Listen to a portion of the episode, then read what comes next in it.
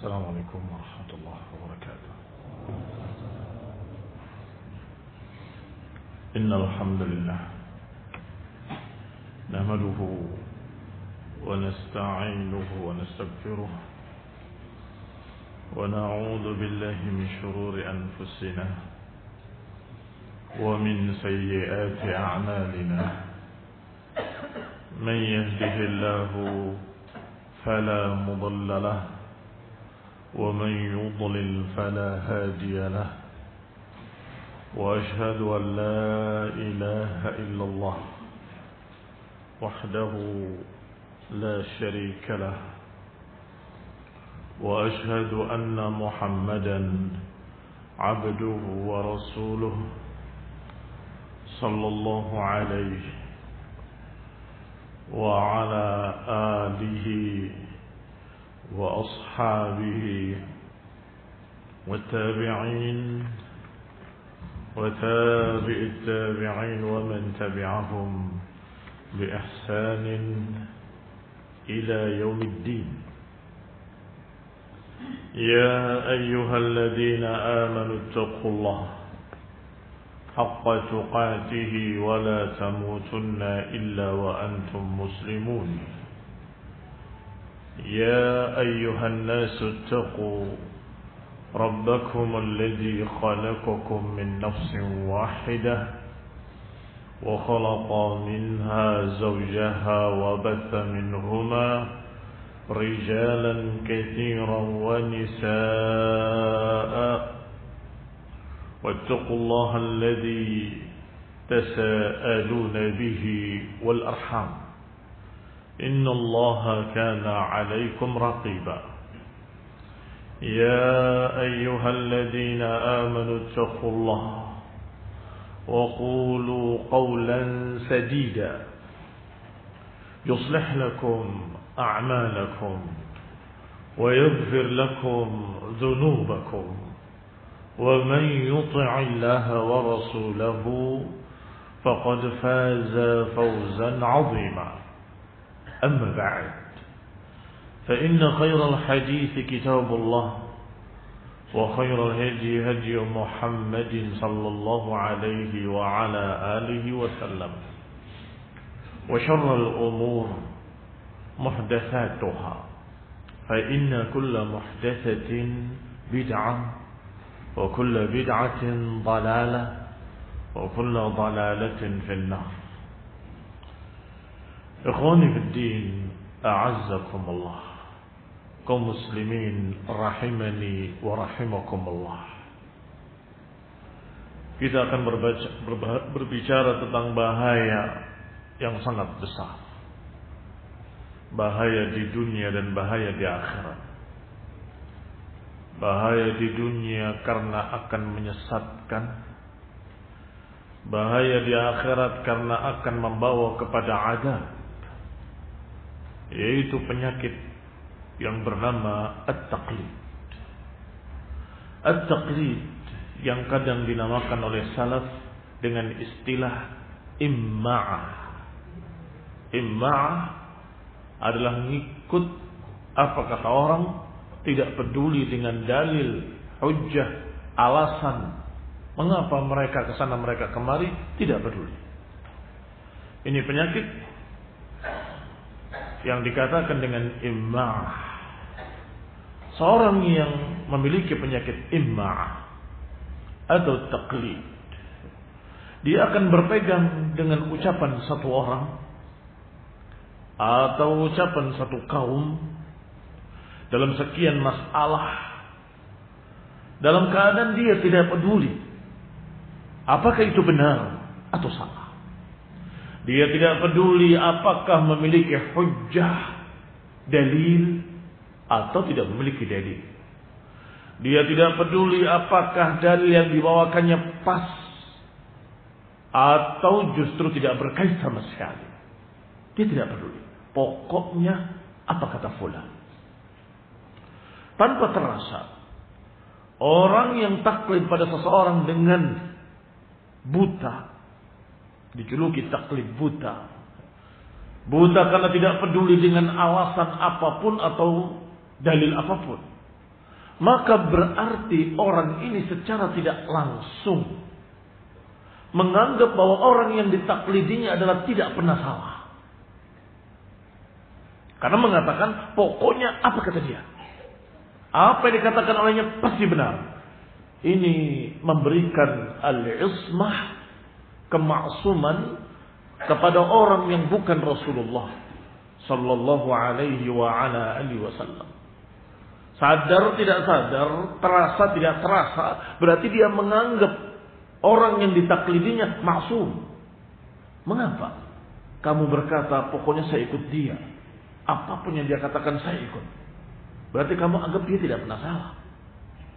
Kalau engkau menganggap dia tidak pernah salah, berarti engkau anggap dia seperti Rasul. Seperti Nabi Sallallahu Alaihi Wasallam. Padahal tidak ada seorang pun yang ucapannya selalu benar kecuali Rasulullah sallallahu alaihi wa ala alihi wasallam. Tidak ada seorang yang maksum terjaga dari kesalahan kecuali Rasulullah sallallahu alaihi wa ala alihi wasallam. Syekhul Islam Ibn Taimiyah rahimahullah dalam kitabnya Manhajus Sunnah di juz kelima halaman 233 mengatakan As-sawabu ala ma ja'a bihi Rasul. Yang namanya pahala akan didapat bagi siapa yang mengikuti apa yang dibawa oleh Rasul. Wan nusrah liman nasarahu. Dan kemenangan, pertolongan akan Allah berikan kepada siapa yang menolong Rasul, membela Rasul. Sallallahu alaihi wa ala alihi wasallam. Wasa'adah masih kata Syekhul Islam Ibnu Taimiyah. Wasa'adah liman ittaba'ahu dan kebahagiaan akan didapat oleh orang-orang yang mengikuti sunnahnya wa malaikatuhu 'alal mu'minina bihi wal muallimina lin-nasi dinahu dan salawat dari Allah dari para malaikat kepada orang-orang yang beriman kepada Rasulullah SAW dan kepada orang-orang yang mengajarkan apa yang diajarkan oleh Rasulullah SAW. Wal haqqu yaduru ma'ahu haitsu ma jara. Saya ulangi kalimat yang terakhir. Karena inilah yang menjadi dasar pembahasan kita. Kata Syekhul Islam, wal haqqu yaduru ma'ahu haitsuma jara. Kebenaran akan selalu berada bersama beliau. Jadi Nabi sallallahu alaihi wa ala alihi wasallam.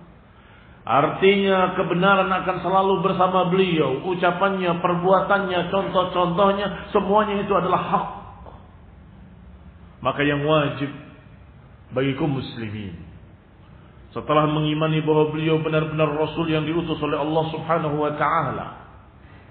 Maka konsekuensi dari keimanan itu adalah mengikutinya, mentaatinya, meneladaninya. Laqad kana lakum fi Rasulillahi uswatun hasanah. Telah ada bagi kalian pada diri Rasulullah SAW sunnah, contoh teladan yang baik buat kalian. Dan juga Allah selalu menyatakan dalam sekian banyak ayatnya, Allah wa ati'ur Rasul. Allah wa ati'ur Rasul. Taatilah Allah, taatilah Rasul. Dan juga Allah katakan, "Wa ma atakumur rasulu fakhuduhu wa ma nahakum anhu fantahu." Apa yang dibawa oleh Nabi pada kalian ambillah dan apa yang dilarangnya tinggalkanlah. Ini kaidah. Dan ini merupakan barakallahu fikum dasar keimanan bahwa kita meyakini kebenaran hanya pada Allah dan pada Rasulnya dan selain itu bisa benar bisa salah. Selain Quran, selain sunnah yang diajarkan oleh Rasulullah SAW, maka itu manusia yang bisa salah, bisa keliru, bisa alfa dan lupa. Rasulullah SAW menyatakan kullu bani Adam khata. Wa khairul khata'in tawwabun. Seluruh anak Adam akan jatuh dalam kesalahan. Tetapi sebaik-baik orang yang bersalah adalah orang yang segera bertaubat. Kullu bani Adam khata. Maka setinggi-tinggi kedudukan seorang alim selama dia manusia, selama dia bukan nabi, bisa saja tergelincir. Bisa saja tergelincir lidahnya, bisa terjadi padanya kesalahan. Semoga Allah mengampuni mereka para ulama dan memaafkan kesalahan-kesalahan mereka yang tidak disengaja. Kau muslimin rahimani wa rahimakumullah. Mereka diampuni oleh Allah karena tidak sengaja, karena tergelincir. Tetapi pengikutnya yang sudah diberitahu bahwa ini hadis sahih. Ternyata membantah dengan kalimat tapi Imam Fulan, tapi Syekh Fulan. Yang saya bacakan olah Rasulullah SAW. Yang saya bacakan Allah Ta'ala fil Qur'anil Azim. Apakah engkau bantah? Dengan ucapan berkata Imam Fulan, berkata Syekh Fulan. Ikhwani fi din, azakumullah. Kaum muslimin rahimani wa rahimakumullah. Siapa pun orangnya, semulia apa pun kedudukannya, sealim apa pun, kalau di hadapan Quran dan Sunnah, tidak bisa mengalahkan ucapan Allah dan Rasulnya. Di hadapan Quran dan Sunnah tidak bisa mengalahkan sama sekali. Ibnu Abbas radhiyallahu taala anhu ketika berbicara masalah haji kata Ibnu Abbas aku mendengar Rasulullah SAW bersabda jadikan umrah kalian jadikan tawaf kalian sebagai umrah Artinya haji apa ini? Haji tamattu. Ketika datang tawaf, jadikan sebagai tawaf umrah. Kemudian tahallul. Kalau saja aku tidak membawa haji, tidak menuntun hewan kurban, aku pun akan menjadikan tawafku umrah seperti kalian. Kalau datang tahun depan, hari yang seperti ini lagi, aku tidak akan membawa dan menuntun hewan kurban dan aku menjadikan tawafku sebagai umrah artinya aku akan tamattu' tiba-tiba ada yang membantah tetapi di zaman Umar tetapi Umar pernah memerintahkan begini dan begitu maka Ibn Abbas marah dan menyatakan akhsha an tanazzala alaikum hijaratan minas sama' Aqulu qala Rasulullah wa taquluna qala Abu Bakr wa Umar. Aku khawatir akan turun batu dari langit. Azab. Aku katakan qala Rasulullah, kemudian kalian berkata qala Abu Bakar qala Umar. Aku katakan qala Rasulullah.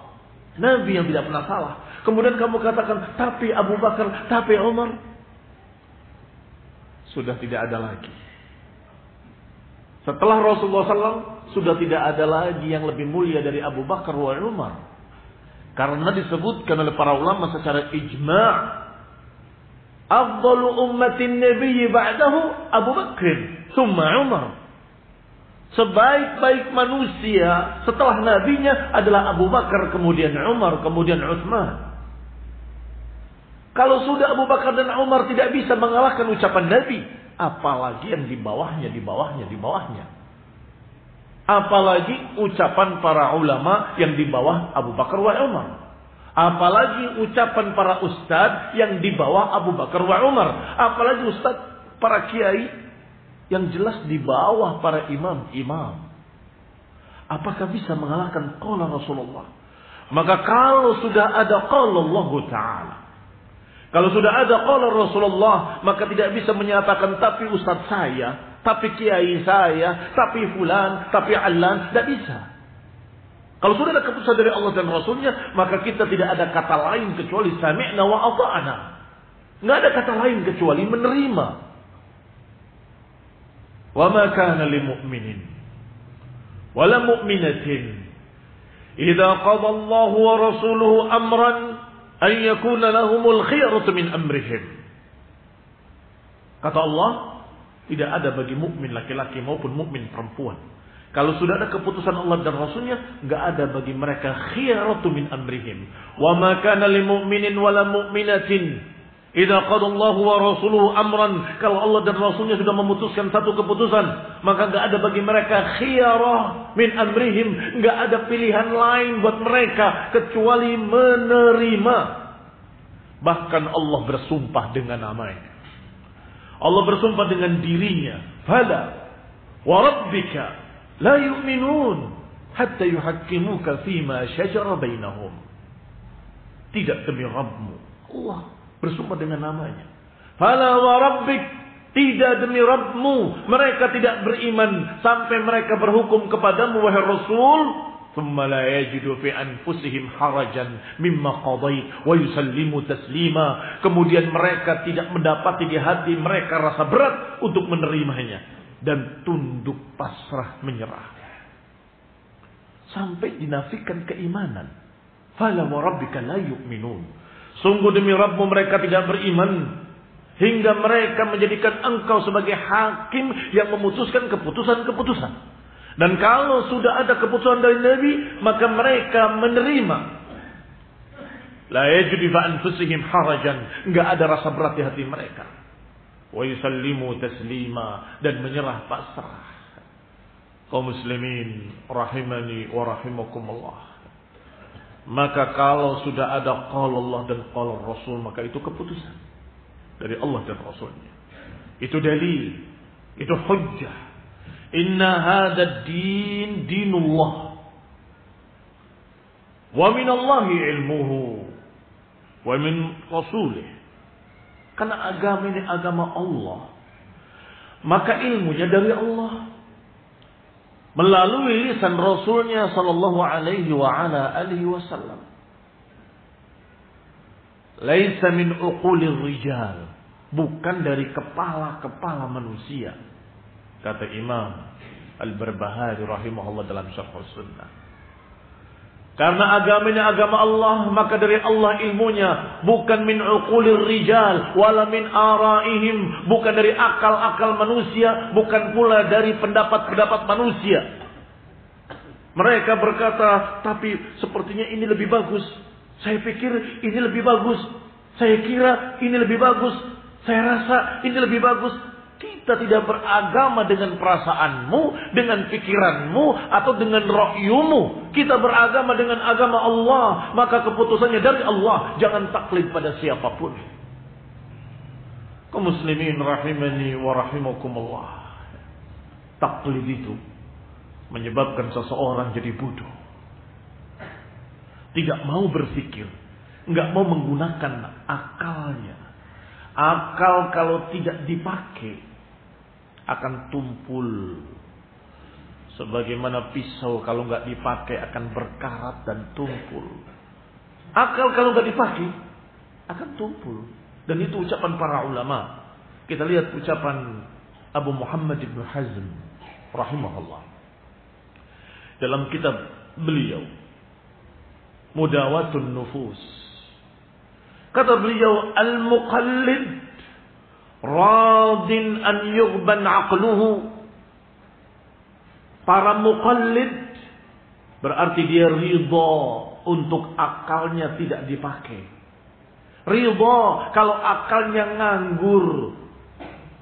Ikhwan ibn a'azakumullah. Yang kedua ucapan Syekhul Islam rahimahullah. Qala fa inna taqlid la yuwarris illa baladah. Yang namanya taklid tidak mewariskan kecuali kedunguan. Seperti kerbau yang dicocok hidungnya. Dibawa ke kanan, ikut ke kanan. Dibawa ke kiri, ikut ke kiri. Kita manusia. Kita lebih mulia. Kita bukan kerbau yang dicocok hidungnya. Kalau diajak ke kanan, kita bertanya, kenapa kok ke kanan? Diajak ke kiri, kita akan tanya, kenapa diajak ke kiri? Cerdas dipakai pikirannya. Atau kalau mereka mengatakan di sini lebih aman, kamu lihat buktinya apa betul lebih aman? Bukan ini yang lebih aman. Ini khonibina azab urusan dunia saja. Kita tidak boleh menjadi imah. Urusan dunia saja tidak boleh kita menjadi dungu.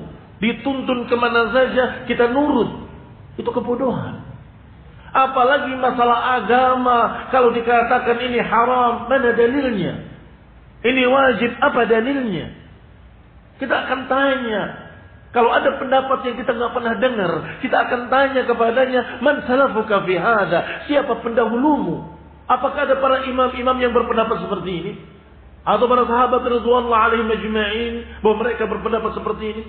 Kalau tidak, berarti muhdath. Kalau tidak, berarti perkara muhdath, perkara baru yang ditambah-tambahkan dalam agama dan itu tertolak. Oh, tapi baik, walaupun anggapan kamu baik, tidak mungkin ada kebaikan yang tidak diajarkan oleh Rasulullah SAW. Dan tidak mungkin kalian bisa mendahului mereka yang Allah puji sebagai para pendahulu itu para sahabat ridwanullah alaihi majma'in sehingga kata para ulama lau kana khairan la sabaquna ilai kalau saja itu kebaikan kalau saja itu kebaikan la sabaquna ilai tentu mereka akan lebih dulu dari kita kalau itu kebaikan para sahabat akan lebih dulu kalau itu kebaikan, para tabi'in akan lebih dulu. Kalau itu kebaikan, maka saya para imam-imam ahlu sunnah lebih dulu.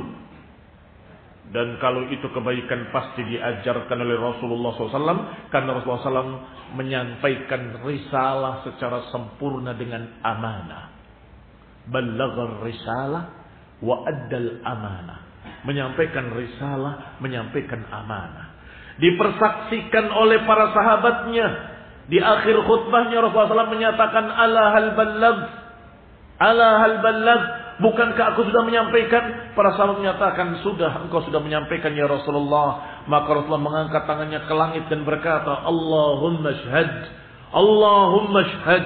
Ya Allah saksikanlah. Ya Allah saksikanlah. Aku sudah menyampaikan. Abu Hurairah radhiyallahu taala anhu juga menjadi saksi Beliau berkata, tarokana Rasulullah SAW. Wa ma ta'iru fis sama yuqallibu janahi fis sama illa ata minhu ilma. Rasulullah SAW meninggalkan kita. Dalam keadaan tidak ada seekor burung pun yang mengepakkan sayapnya di langit kecuali sudah disampaikan ilmunya. Enggak ada sedikit kebaikan pun kecuali sudah disampaikan. Tidak ada sedikit kejelekan pun kecuali sudah diperingatkan oleh Rasulullah sallallahu alaihi wa ala alihi wasallam. Maka ketika di akhir kehidupan Rasulullah SAW di haji terakhir turun ayat Allah Subhanahu wa taala. Al-yawma akmaltu lakum dinakum wa atmamtu alaikum ni'mati wa raditu lakumul islam dina Hari ini telah aku sempurnakan bagi kalian agama kalian. Dan aku sempurnakan untuk kalian nikmatku atas kalian. Dan aku ridho Islam sebagai agama kalian.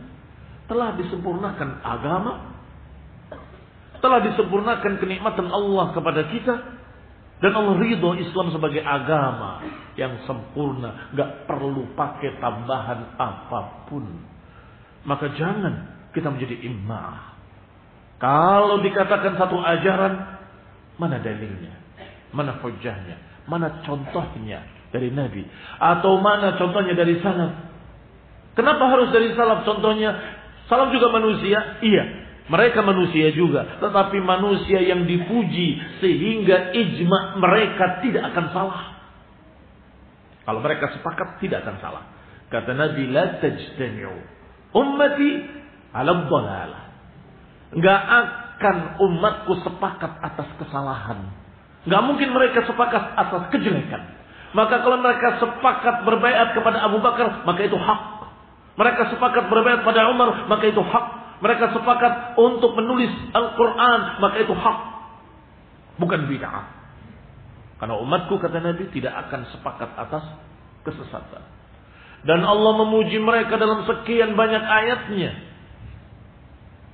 السابقون الأولون من المهاجرين والأنصار والذين اتبعوهم بإحسان رضي الله عنهم ورضوا عنه Generasi pertama umat ini kata Allah dari kalangan muhajirin dan ansar dan yang mengikuti mereka dengan ihsan. Allah ridho pada mereka dan mereka ridho pada Allah. Allah sudah jamin keridhoan pada mereka. Maka kita tanyakan mana contohnya dari salaf yang sudah diridhoi oleh Allah Subhanahu wa taala, apakah pernah mengadakan seperti itu?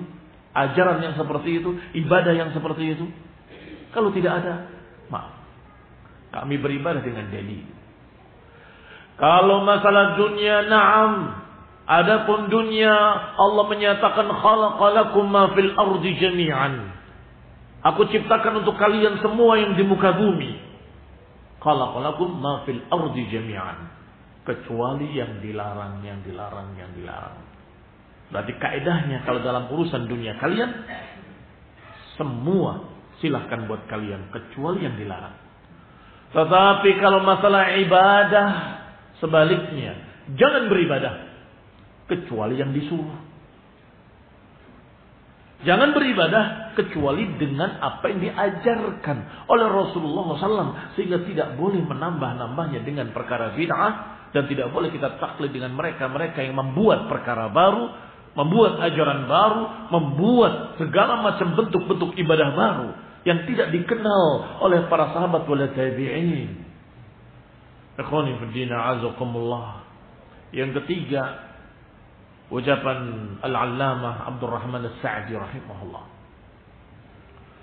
Qala fa inna man i'tada al-jari ala aqwalin la yubali dalla 'alayha dalilun sahih aw dha'if aw lam yadul yuhmad dhihnuhu. Kata Syekh Abdurrahman As-Sa'di rahimahullah, siapa yang terbiasa berjalan apa kata orang Siapa yang terbiasa berjalan atas ucapan orang lain tanpa peduli dalil yang sahih atau dhaifnya, tanpa peduli apakah ditunjukkan oleh dalil itu atau tidak, maka yuhmad aqluhu akalnya akan beku. Walayanhab dan tidak akan bisa bangkit kembali. Yatlubur ruqi untuk mencari kemuliaan wal istizadah untuk menambah kekuatan pikiran dan kecerdasan. Orang yang cerdas pasti akan bertanya, apa alasannya? Apa dalilnya? Kaum muslimin rahimani wa rahimakumullah. Pembahasan yang berikutnya bahwa masalah taklid ini adalah buah yang jelek dari perkara yang namanya hawa. Hawa nafsu. Hawa nafsu itu barakallahu fikum adalah tarikan-tarikan dalam diri kita yang menyeret seseorang untuk memuaskan dirinya sendiri. Apakah ingin kepuasan dunianya, kedudukannya, ingin harta, tahta, wanita dan sebagainya, itu semua hawa. Maka barakallahu fikum. Disebutkan oleh Syekh Rabi dalam kitabnya Dammut Ta'assub atau Ta'assubud Damim, ta'assub yang tercela. Disebutkan bahwa pertama kita harus tahu sebaik-baik petunjuk adalah petunjuk Nabi. Khairul huda huda Muhammad SAW. Sebaik-baik bimbingan adalah bimbingan Rasulullah. Tidak boleh dikalahkan dengan apa pun. Kemudian kita memahami apa yang diajarkan oleh Nabi dengan pemahaman para sahabat. Karena itu adalah pemahaman yang diridhoi oleh Allah. Mereka diridhoi. Artinya pemahaman mereka benar. Penerapan mereka tepat. Maka kita ambil pemahaman mereka untuk memahami sunnah-sunnah Rasulullah SAW. Kemudian ada golongan yang mengikuti hawa nafsu mereka tidak mau tunduk kepada Nabi SAW, tidak mau tunduk kepada kebenaran karena tarikan hawa. Kalau saja nggak ada tarikan hawa, fitrahnya akan berkata ini yang hak. Pasti. Kalau saja nggak ada hawa, nggak ada bisikan-bisikan syaitan, maka fitrahnya selalu akan melihat kebenaran seperti matahari, sangat jelasnya. Tetapi kenapa tidak mau tunduk?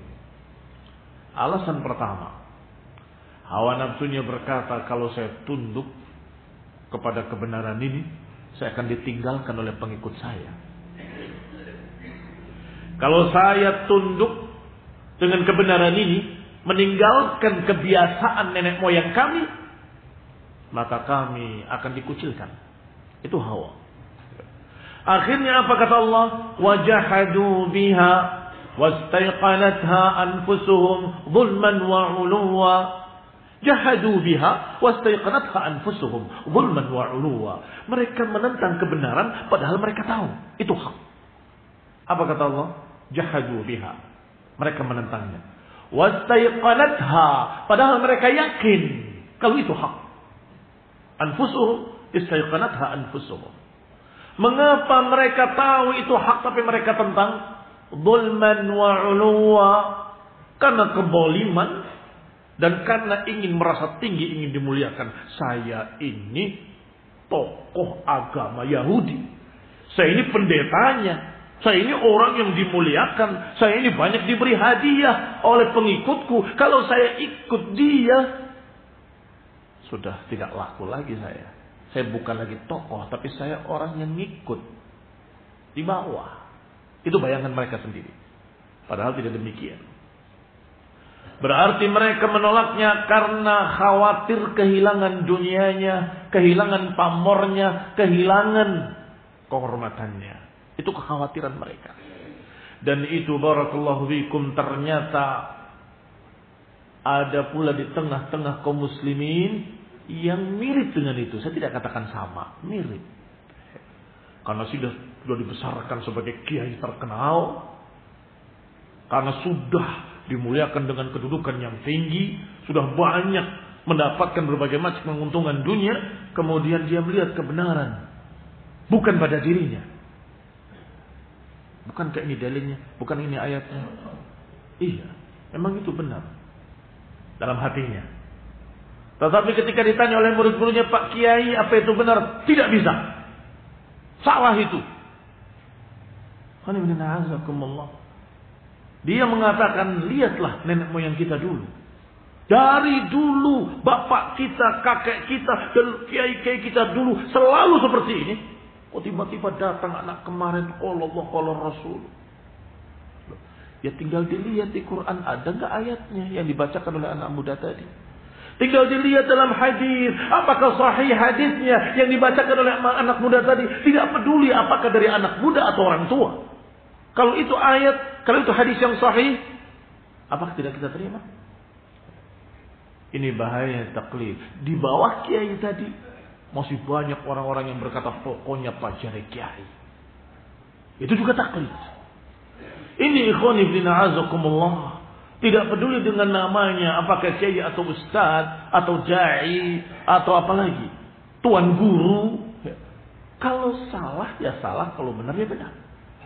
Kalau dia benar, kita ikuti. Kalau dia salah, kita akan katakan itu salah. Barakallahu fiikum. Mengapa? Karena agamanya agama Allah Subhanahu wa taala. Maka ilmunya dari Allah Subhanahu wa taala, dari Quran was sunnah. Demikian pula barakallahu fikum buah dari hawa setelah tadi juhud menentang kebenaran terang-terangan walaupun hatinya yakin. Itu yang pertama. Penyakit yang berbahaya yaitu juhud, menentang kebenaran.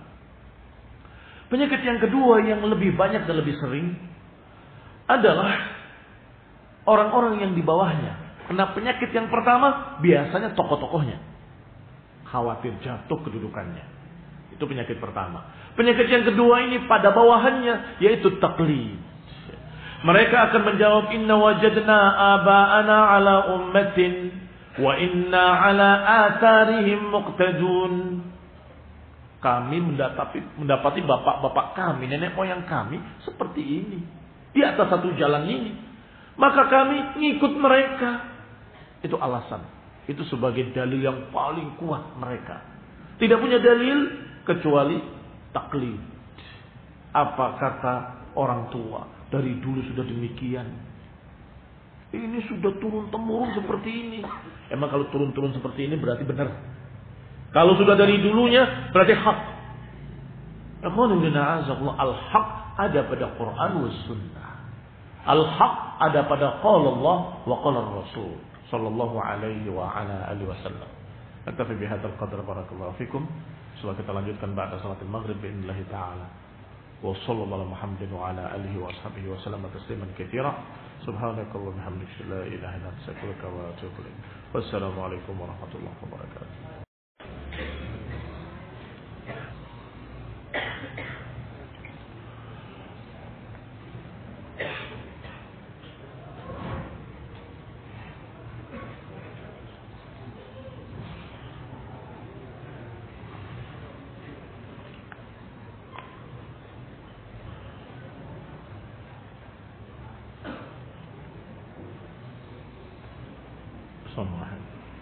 السلام عليكم ورحمة الله وبركاته إن الحمد لله نهده ونستعينه ونستغفره ونعوذ بالله من شرور أنفسنا ومن سيئات أعمالنا من يهده الله فلا مضل له ومن يضلل فلا هادي له وأشهد أن لا إله إلا الله وحده لا شريك له وأشهد أن محمدا عبده ورسوله صلى الله عليه وعلى آله وأصحابه والتابعين وتابع التابعين ومن تبعهم بإحسان إلى يوم الدين. يا أيها الذين آمنوا اتقوا الله حق تقاته ولا تموتن إلا وأنتم مسلمون. يا أيها الناس اتقوا ربكم الذي خلقكم من نفس واحدة وخلق منها زوجها وبث منهما رجالا كثيرا ونساء. واتقوا الله الذي تساءلون به والأرحام. إن الله كان عليكم رقيبا. يا أيها الذين آمنوا اتقوا الله وقولوا قولا سديدا يصلح لكم أعمالكم ويغفر لكم ذنوبكم ومن يطع الله ورسوله فقد فاز فوزا عظيما. أما بعد فإن خير الحديث كتاب الله. وخير الهدي هدي محمد صلى الله عليه وعلى آله وسلم وشر الأمور محدثاتها فإن كل محدثة بدعة وكل بدعة ضلالة وكل ضلالة في النار إخواني في الدين أعزكم الله كمسلمين rahimani wa rahimakumullah. Sudah kita bahas bahwa taklid adalah alasan yang dipakai oleh musyrikin jahiliyah untuk menolak dakwah Rasulullah sallallahu alaihi wa ala alihi wasallam. Dan bahwasanya mereka selalu beralasan ketika diajak oleh Rasulullah SAW kepada kebenaran, kebenaran tauhid, tidak ada yang berhak diibadahi kecuali Allah. Kebenaran agama yang sempurna, ajaran sunnah Rasulullah SAW. Mereka selalu menolak dengan alasan yang masyhur, yang terkenal, yaitu taklid kepada nenek moyang mereka Allah sebutkan di dalam salah satu ayatnya atau dalam beberapa ayat dalam surat Az-Zukhruf. Allah berfirman, "Wa ja'alul malaikata alladziina hum 'ibadur rahmani inatha." Mereka menjadikan malaikat-malaikat yang sesungguhnya malaikat itu adalah hamba-hamba Allah. Mereka jadikan sebagai anak-anak perempuan Allah. Astagfirullah. Maka Allah bantah. Asyahidu khalqahum satu ketabu syahadatuhum wa yus'alun. Asyahidu khalqahum kata Allah. Apakah mereka menyaksikan ketika malaikat diciptakan? Satu ketabu syahadatuhum. Wa yus'alun akan dicatat persaksian mereka itu dan akan ditanya nanti yaumul qiyamah.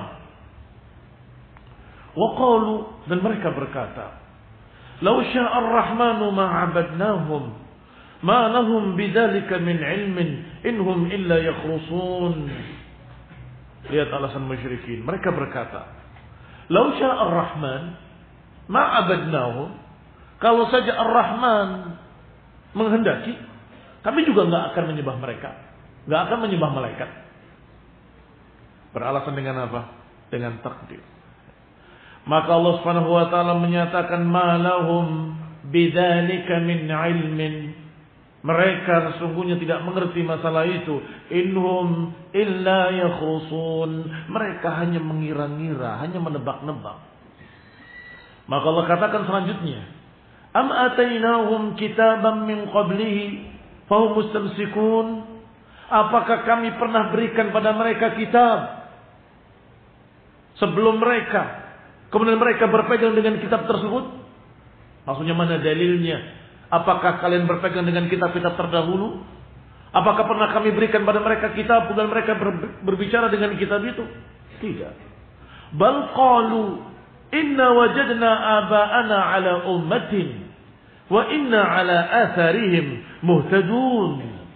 Kata Allah, bahkan mereka berkata, kami mendapati nenek moyang kami di atas satu jalan dan kami mengikuti jejak-jejak mereka. Kami terbimbing dengan jalan-jalan mereka katanya. Lihat alasan musyrikin menganggap malaikat sebagai anak-anak perempuan Allah, beribadah kepada selain Allah, menyembah berhala-berhala sebagai perantara kepada Allah. Apa dalilnya? Apakah punya kitab yang pernah Allah turunkan di masa lalu? Atau apakah kalian melihat penciptaan malaikat? Asyahidu khalqahum? Ternyata jawaban mereka Qalu inna wajadna aba'ana ala ummatin wa inna ala atharihim muqtadun. Kami dapati nenek moyang kami di atas satu akidah, di atas satu jalan, di atas satu perkara, kami mengikuti jejak mereka. Kata Allah, wa kadzalika ma arsalna min qablika fi qaryatin min nadirin illa qala mutrafuha inna wajadna aba'ana ala ummatin wa inna ala atharihim muqtadun. Kata Allah demikianlah. Nabi-nabi terdahulu pun sebelum engkau wahai Rasul ketika diutus sebagai pemberi peringatan pada kaumnya maka mesti berkata mutrafuha. Mesti orang-orang mutrafun akan berkata apa itu mutrafun orang-orang kayanya tokoh-tokoh besarnya mutrafu mutrafun ini mereka akan berkata inna wajadna aba'ana ala ummatin Wa inna ala atharihim muqtadun. Mesti tokoh-tokohnya akan berkata, kami sudah dapati dari dulu nenek moyang kami begini. Maka kami pun begini. Ini taklid. Dan ini contoh yang jelek dari musyrikin jahiliyah. Maka kalau kita bicara malam hari ini tentang bahaya taklid. Di antara bahaya taklid adalah menyerupai jahiliyah. Menyerupai musyrikin. Kita tidak mengatakan mereka kafir, tapi akhlakmu yang menyatakan pokoknya apa kata dia, pokoknya apa kata fulan, pokoknya apa jari kiai. Ini adalah akhlaknya haula, akhlaknya mereka mereka yang tidak punya ilmu, akhlaknya musyrikin jahiliyah. Ketika ditanya apakah punya kitab yang kamu pegang, mungkin Allah pernah turunkan kitab di masa lalu? Tidak. Apakah kalian mendapatkan kitab dari Taurat atau Injil atau dari Musa dan Nabi Isa alaihi salam atau dari para anbiya? Tidak. Mereka hanya menjawab, tapi kami dapatin nenek moyang kami begini. Ada taklid. Barakallahu fikum. Ini yang namanya taklid. Maka Allah subhanahu wa membantah pada ayat berikutnya. Qul wahai Rasul, qul katakan pada mereka, awalau ji'tukum bi ahda mimma wajadtum Apakah walaupun kami datangkan sesuatu yang lebih baik daripada apa yang kamu dapati dari nenek moyang kalian? awalau ji'tukum bi ahda mimma wajadtum alaihi aba'akum apakah kalian akan tetap mengikuti nenek moyang kalian walaupun aku membawakan pada kalian sesuatu yang lebih baik dari itu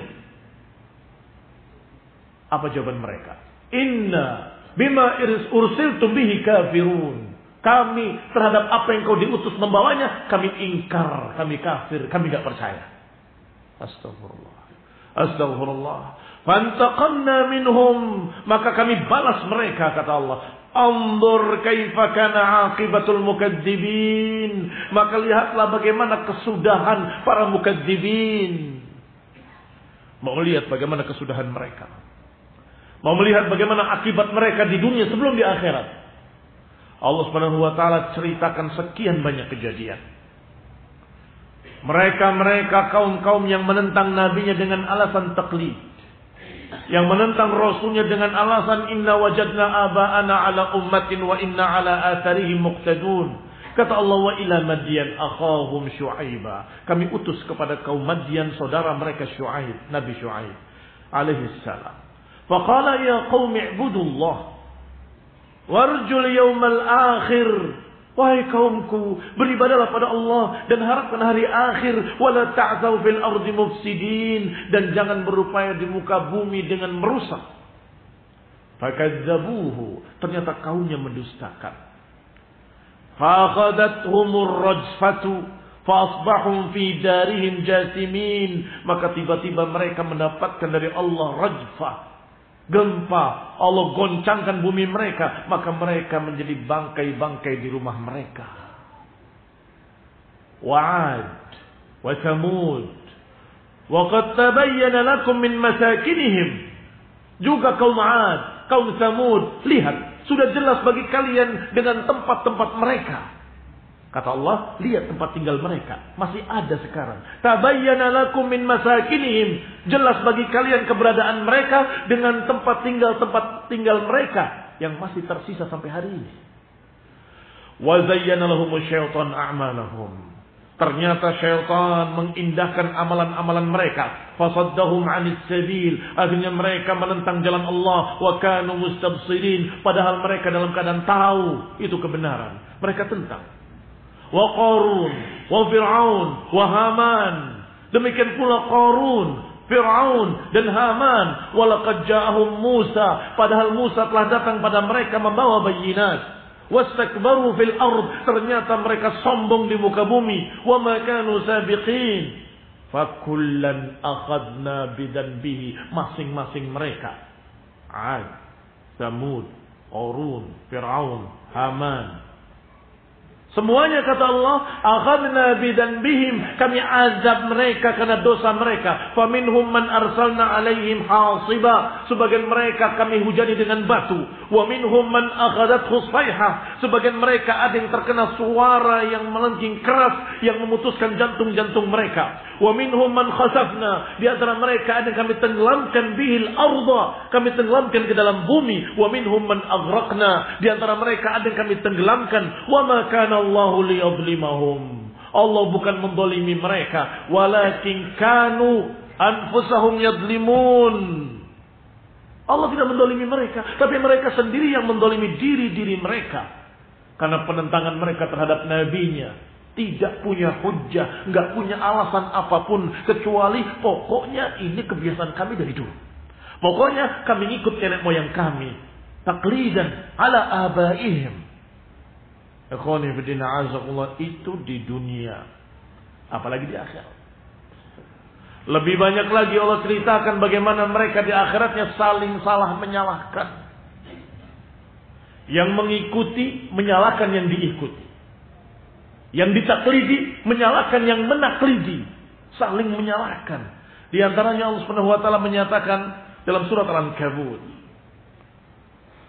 Wa qala alladziina kafaru لن نؤمن بهذا القرآن ولا بالذي بين يديه ولو ترى إذ الظالمون موقوفون عند ربهم يرجع بعضهم إلى بعض القول.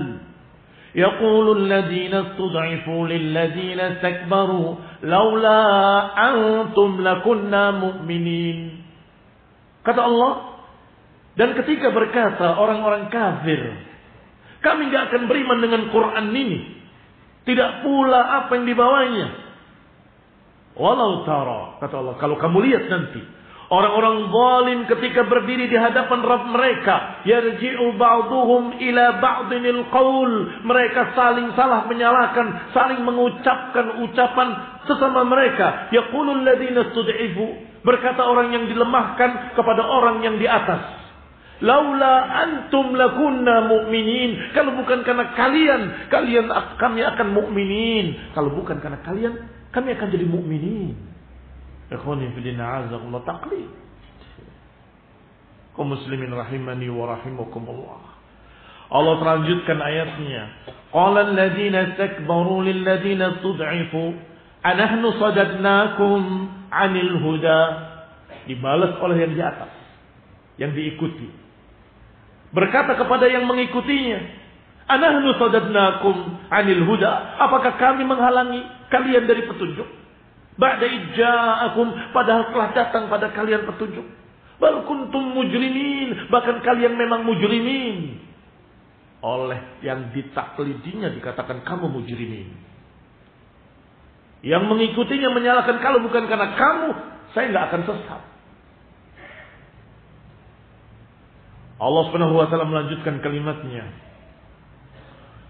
Wa qala alladziina istud'ifu lil ladziina istakbaru bal makrul laili wan. Yang di bawahnya yang istud'ifu berkata kepada yang istakbaru, kepada yang sombong di atas berkata lagi.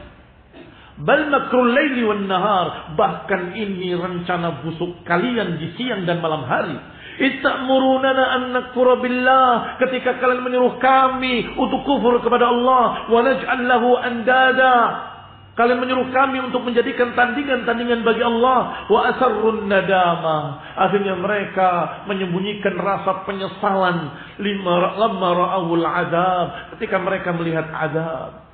Wa ja'alna al-aghlal fi a'naq. Alladzina kafaru. Maka kami jadikan belenggu-belenggu. Di leher-leher orang-orang kafir tadi. Hal yudzawna illa makanu ya'malun. Tidaklah mereka dibalas. Kecuali karena perbuatan mereka sendiri. Siapa yang salah? Yang ikut atau yang diikuti? Dua-duanya salah. Yang diikuti istakbaru, sombong. Saya yang paling benar. Saya yang tidak pernah salah. Pokoknya kamu ngikut saya, kamu masuk surga. Kibr. Merasa maksum. Dan itu penyebab iblis dilaknat. Ana khairun minhu. Khalaqtani min narin wa khalaqtahu min tin. Kata iblis, aku lebih baik dari dia. Aku diciptakan dari api, sedangkan dia diciptakan dari tanah. Kenapa aku harus sujud kepada dia? Dia yang harus menghormati aku.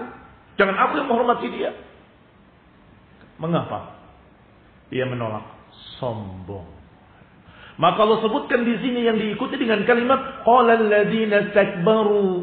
Berkata orang-orang yang istakbaru, yang sombong, merasa paling benar dan merasa tidak pernah salah. Pokoknya ikuti saya, kamu selamat.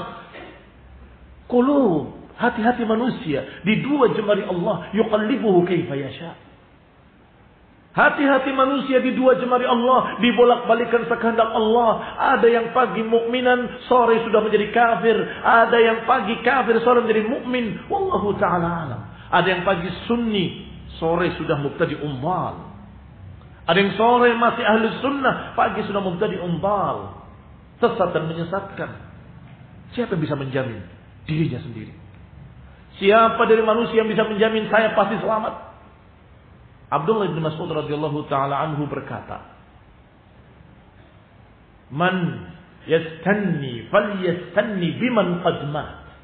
Fa innal hayy la ya'man alaihi al-fitnah." Kata Abdullah bin Mas'ud radhiyallahu taala anhu sebagaimana dinukil dalam kitab Syarah Aqidah Tahawiyah dalam bab masalah keutamaan sahabat. Kata beliau, "Waman yastanni falyastanni biman qad mat." Siapa yang ingin meneladani, teladanilah mereka-mereka yang sudah wafat dalam keadaan iman. Yani para salaf. Fa innal hayy la ya'man alaihi fitnah. Karena orang hidup tidak aman dari fitnah. Orang hidup tidak aman dari fitnah. Kemarin kita lulukan sebagai tokoh ahli sunnah ternyata berubah jadi hizbi. Bagaimana? Apakah kita ikut berubah jadi hizbi? Tidak. Al-Hayy, orang hidup.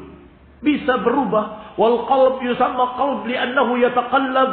Hati itu dinamakan qalb, qaf, lam dan ba karena dia selalu yataqallab. Apa yang makna yataqallab? Berbolak-balik. Digambarkan dalam riwayat kal mirjal. Digambarkan dalam riwayat seperti periuk yang mendidih bergolak di dalamnya. Ikhwan ibn a'azakullah nas'allah sabat. Nas'allah sabat wal istiqamah. Kita berharap pada Allah Ta'ala agar kita istiqamah dan sabat ala tauhid wa sunnah. Karena kita tidak bisa menjamin diri kita. Kecuali berharap kepada Allah Subhanahu Wa Ta'ala. Oleh karena itu. Karena tidak ada orang yang aman dari fitnah. Maka kita jangan taklid pada siapa pun. Kalau beliau menyampaikan dengan hujah dan dalil. Maka kita terima hujah dan dalil yang disampaikannya. Kalau berbicara tanpa hujah, tanpa dalil. Maaf, kami nggak mengikuti rokyumu sendiri kami nggak mengikuti pendapat pribadimu. Kami ingin mengikuti agama. Agama Allah yang sumbernya dari Quran, Kitabullah, dan Rasulullah SAW yang diutus oleh Allah. Itu sumber. Demikian pula digambarkan dalam ayat lain. وَإِذْ يَتَحَاجُّونَ فِي النَّارِ فَيَقُولُ الضُّعَفَاءُ لِلَّذِينَ اسْتَكْبَرُوا Kalau tadi dalam surat As-Saba. Sekarang disebutkan oleh Allah Subhanahu wa taala dalam surat Ghafir atau surat Al-Mu'min. Dan ingatlah kata Allah, idyatahajuna ketika mereka saling berhujjah, saling berdebat, saling berargumen. Finnar dalam neraka. Yang mengikuti dan yang diikuti, yang mentaklidi dan yang ditaklidi. Fayaqulu du'afa lilladzina istakbaru berkata orang-orang yang lemah kepada orang-orang yang sombong yang mengikuti kepada yang diikuti. Inna kunna lakum tab'an fahal antum mughnuna 'anna nasiban minan nar. Kami dulu di dunia ngikut kalian. Apakah kalian bisa mengurangi adab kami? Apakah kalian bisa mencukupi kami dari adab ini? Membantu kami dari adab ini sedikit saja. Nasiban minan nar. Yang enggak akan bisa. Qala alladziina istakbaru. Dijawab oleh mereka-mereka yang diikuti. Yang istakbaru, yang sombong merasa benar sendiri. Qala alladziina istakbaru inna kullun fiha inna Allah qad hakama bainal ibad. Kita sekarang sudah sama-sama dalam neraka. Dan Allah sudah menghukumi dengan adil kepada hamba-hambanya. Ini mau apa lagi? Sekarang sudah dihukumi oleh Allah Taala. Saling salah menyalahkan Mungkin dulu di dunianya akhilla. Saling cinta mencintai. Sang muqallad dengan sang muqallid. Yang mengikuti dengan taklid buta dan yang diikutinya akrab. Setia. Kata Allah al-akhillau yawma idzin ba'dhum li ba'dhin adu. Orang yang saling cinta mencintai tadi nanti di akhirat akan saling bermusuhan. Illa muttaqin. Kecuali orang-orang yang bertakwa. Orang yang bertakwa mereka berukhuwah bersaudara karena iman dan karena ilmu, karena hujjah dalam Quran dan Sunnah. Sehingga mereka akan terus sampai hari kiamat. Sampai dalam jannah.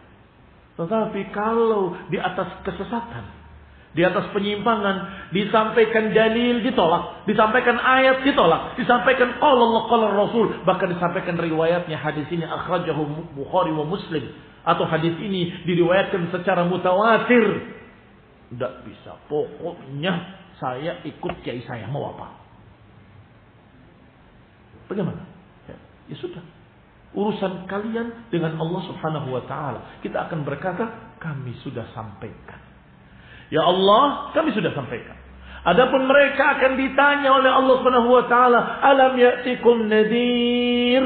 Apakah pernah datang pada kalian pemberi peringatan? Mereka akan menjawab, "Bala, qad ja'ana nadirun fakadzabna." Iya memang datang pada kami pemberikan pemberi peringatan.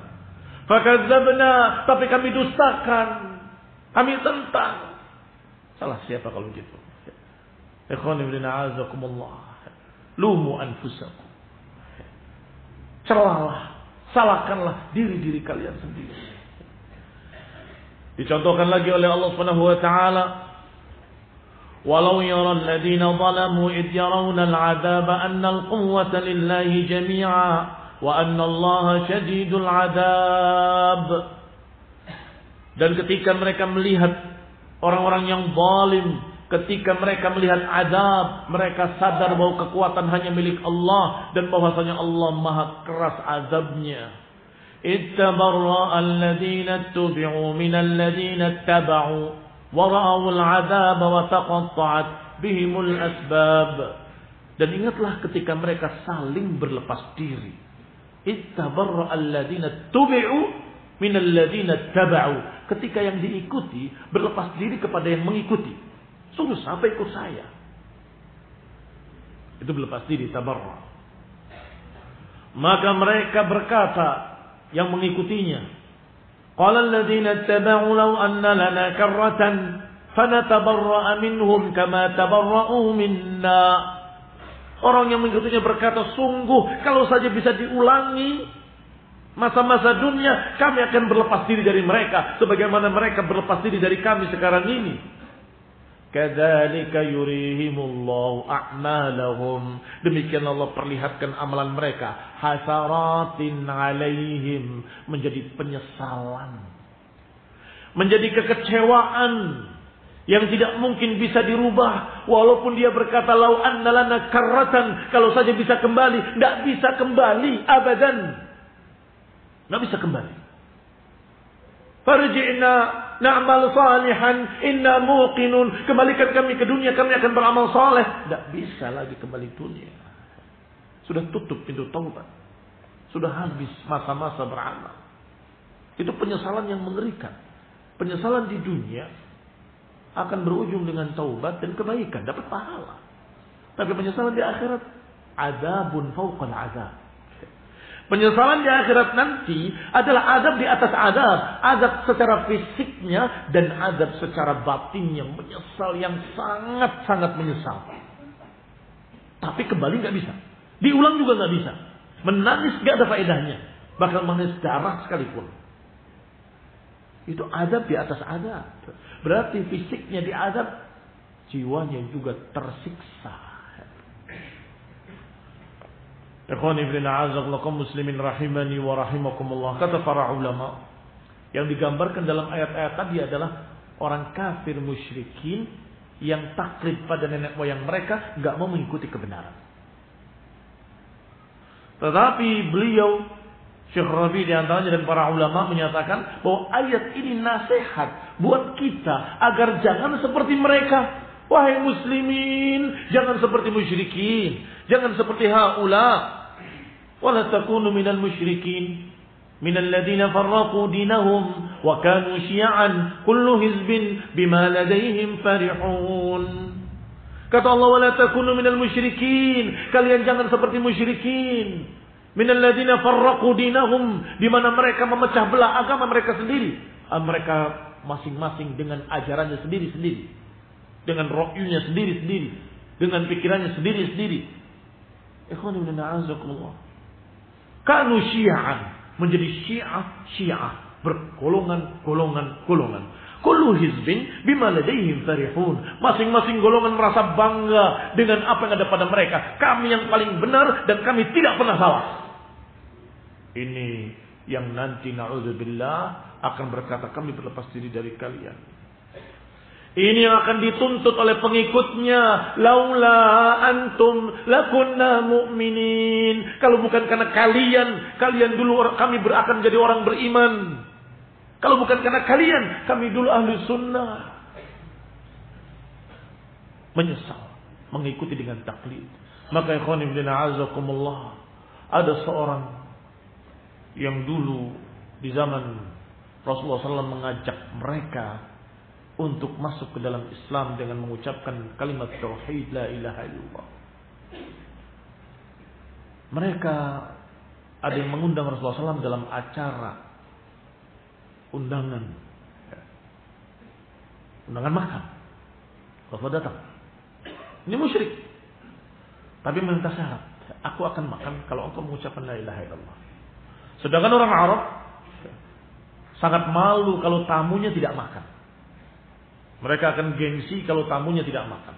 Maka dia berkata, aku ucapkan la ilaha illallah. Sudah la ilaha illallah. Makan. Sebagai penghormatan tamu. Ternyata setelah bubar acara itu, konco-konconya, pengikut-pengikutnya, tokoh besarnya berkata, kamu mengucapkan la ilaha illallah? Kamu ikut agama dia? Kamu begini, kamu begitu? Dia berkata, kami coba tidak, kami cuma sekedar hormati tamu. Kami nggak serius. Kami coba begini, kami cuma begitu. Kata mereka, buktikan. Kalau kamu masih kafir. Buktikan kalau kamu masih berada di agama nenek moyangmu. Kalau engkau masih bersama nenek moyang kita, buktikan. Bagaimana kami buktikan? Ludahi dia. Makanya Rasulullah SAW. Astagfirullah. Dia membuktikan. Dia datang ke Rasulullah SAW dan dia ludahi. Ternyata ludah itu kembali pada dirinya. Dan kemudian jadi cacat di pipinya, di wajahnya. Dan kemudian turun ayat Allah Subhanahu wa taala, "Yauma ya'addu adh-dhalimu 'ala yadayhi yaqulu ya laitani ittakhadtu ma'ar rasuli sabila." Ya laitani ya wailata laitani lam attakhidh fulanan khalila. Laqad adallani 'ani adh-dhikri ba'da idh ja'ani. Wa kana syaitanu lil insani khadula. Kata Allah dan ingatlah nanti ketika orang yang zalim menggigit jarinya, menyesal dan berkata ya laitani takhattu ma'ar rasuli sabila. Duhai kiranya aku mengikuti jalan rasul. Ya wailata laitani lam attakhid fulanan khalila. Duhai kiranya aku tidak mengambil si fulan sebagai temanku Laqad adallani anid dzikri. Dia telah menyesatkan aku setelah datang kepadaku petunjuk. Dan syaitan lil insani khudula. Syaitan terhadap manusia khudul. Tidak mau menolong, tidak mau membantu. Akan berlepas diri itu khudul. Syaitan berkata, ukfur, kafirlah kamu. Falamma kafara, ketika dia sudah kafir, qala inni bari'un mink, inni akhafullah. Aku berlepas diri dari kamu. Aku takut pada Allah. Iblis. Ikhwan ibn lihatlah. Orang yang karena berteman dan mengikuti teman yang jelek dan taklid kepada nenek moyangnya ternyata menyesal yaumul qiyamah. Menggigit jarinya sambil berkata ya laitani takhuttu ma'ar rasul sabila. Duhai kiranya aku mengikuti jalan rasul. Duhai kiranya aku tidak mengambil si fulan sebagai temanku. Laqad adallani anid dzikri ba'da ija'ani kaum muslimin rahimani wa rahimakumullah. Yang demikian adalah adab mereka dan akibat jelek taklid yaumul qiyamah. Penyesalan. Sekarang kita masih di dunia. Dan sekarang kita masih diberi oleh Allah perangkat-perangkat perangkat. Perangkat berpikir, perangkat melihat, perangkat mendengar. Kita memiliki hati yang Allah berikan, Masya Allah, sehat sempurna. Maka gunakan untuk mencari kebenaran. Dan tanyakan dengan cerdas. Kalau ada yang memiliki pendapat-pendapat, apalagi pendapat yang nyeleneh, apa dalilnya? Apa ada ayat yang menyuruh seperti itu? Apa ada dalil dari hadis yang sahih? Kalau sampaikan hadis, apakah hadis ini sahih? Ikhwan ibn. Jeli. Jangan sampai kita seperti yang digambarkan tadi oleh para ulama. Otaknya beku, pikirannya kaku. Mengapa? Jadi tumpul dan beku nggak pernah dipakai. Pokoknya apa kata Ustaz? Pokoknya apa kata kiai? Pokoknya apa kata pemimpinnya? Pokoknya apa kata fulan bu fulan? Loh, otakmu di mana? Pikiranmu di mana? Hatimu di mana? Nggak pernah dipakai untuk berpikir Afala yatadabbaruna al-Qur'an? Amala qulubin akfaluha? Apakah mereka tidak memahami Al-Qur'an atau hatinya terkunci mati? Mereka orang-orang kafir tadi Allah juluki summun bukmun umyun fahum la yarji'un. Allah juluki dengan sangat jeleknya buta, tuli, bisu. Dan mereka nggak akan kembali. Karena mereka pokoknya apa kata nenek moyang kami. Inna wajadna aba'ana ala ummatin wa inna ala atharihim muqtadun. Kami dapat begini, ya begini. Dari dulu, ya begini. Saya nggak mau berubah. Pokoknya selama kita masih bersama nenek moyang kita, kita akan selamat. Kamu anggap nenek moyangmu maksum, nggak pernah keliru, nggak pernah salah. Ulama yang kita hormati rahimahumullah. Yang kita hormati ghafara lahum, yang kita hormati dan kita muliakan bisa tergelincir. Dan kalau tergelincir, kalau tergelincir, maka mereka tidak sengaja tergelincir, mereka dimaafkan oleh Allah Taala diampuni. Tetapi kita yang taklid, kita dosa. Loh kenapa ulamanya gak dosa kita dosa? Kalau mereka tergelincir tidak sengaja, ada sesuatu yang mereka tidak tahu, dimaklumi. Tapi kamu sudah tahu ini hak, kamu tolak kebenaran, tapi Fulan bilang begitu. Tapi Imam Fulan bilang begini. Jangan heran barakallahu ulama kibar, imam pernah ada yang berpendapat Rasulullah SAW bahwa khamr itu kalau dari anggur dan yang lain tidak haram. Bagaimana? Apa kita terima? Rahimahullah wa ghafarallahu lahu. Ada imam madhab yang menyatakan nikah tanpa wali tanpa saksi sah. Sebagaimana seorang wanita bisa jual beli, maka dia bisa menikahkan dirinya sendiri. Mengerikan sekali. Dan itu pernah dipakai oleh seorang kiai Jakarta dulu di zaman beberapa tahun yang lalu, berapa belas tahun yang lalu. Apakah bisa dipakai? Itu tergelinciran barakallahu fikum. Dan dimaklumi mereka saat itu tidak susah atau tidak mudah untuk mencari dalil. Harus mengadakan perjalanan satu bulan atau lebih. Untuk mendapatkan satu hadis. Sehingga beliau mendapatkan hadis sedikit. Tidak mendapatkan hadis yang berkata la nikaha illa biwaliyin, la nikaha illa biwaliyin, la nikaha illa biwaliyin. Diulang tiga kali. Wa syahidai adil dan dua saksi yang adil. Beliau belum dapat hadis itu sehingga beliau mengkiaskan dengan jual beli. Kalau wanita boleh jual beli, berarti wanita boleh menikahkan dirinya. Sama dengan jual beli kata. Aku jual, saya beli. Aku berikan, aku terima. Aku nikahkan diriku, aku terima pernikahannya. Selesai. Astagfirullah. Beliaunya dimaklumi rahimahullah. Mengapa? Tidak mendapatkan hadis itu. Tetapi ya wailakum. Kalau kalian sudah mendengar hadis ini yang berbunyi la nikah illa biwaliin wa syahidai adil. Kemudian kamu tinggalkan hadis ini, saya ikut imam itu. Bagaimana kira-kira? Sahibu hawa, pengekor hawa nafsu, muqallid dengan taklid buta. Memuaskan dirinya, bahkan jangan-jangan dia ingin mut'ah. Hanya ingin kenikmatan dunia, ingin bebas berzina di sana di sini. Mencari ulama yang tergelincir, diambil. Man yatatabba' zallatul ulama, siapa yang mencari-cari ketergelinciran para ulama, maka dia akan sesat. Akan menjadi zindir. Ikhwani fillah azakum muslimin rahimani wa rahimakumullah. Qala al-Hafidh Ibn Rajab al-Hambali wal wajib ala kulli man balaghahu amrul rasul. Yang wajib bagi siapa yang telah datang padanya perintah Nabi Artinya dalil hujjah hadis. Yang dia sudah sampai padanya dalil ucapan Rasulullah. Wa arafahu. Dan dia sudah tahu dan memahami. Maka dia wajib menjelaskannya pada umat. Dan menasehatkan kepada mereka. Wa ya'muruhum. Dan memerintahkan manusia untuk mengikuti hadis tersebut. Wa man khalafa dzalika. Barang siapa atau dikatakan dan siapa yang menyelisihinya. Atau walaupun diselisihi oleh tokoh-tokoh besar walaupun diselisihi oleh tokoh-tokoh besar. Ini hadis sahih. Bahkan mutawatir. Tapi Imam Fulan tapi Syekh Fulan tapi Kiai Fulan. Ini hadis. Saya sampaikan hujjah. Dan ini pengamalannya dari para sahabat seperti ini. Selanjutnya kata Ibn Rajab Fa inna rasul ahaqqu an yu'azzam. Karena perintah Nabi harus lebih dimuliakan di atas perintah-perintah lainnya.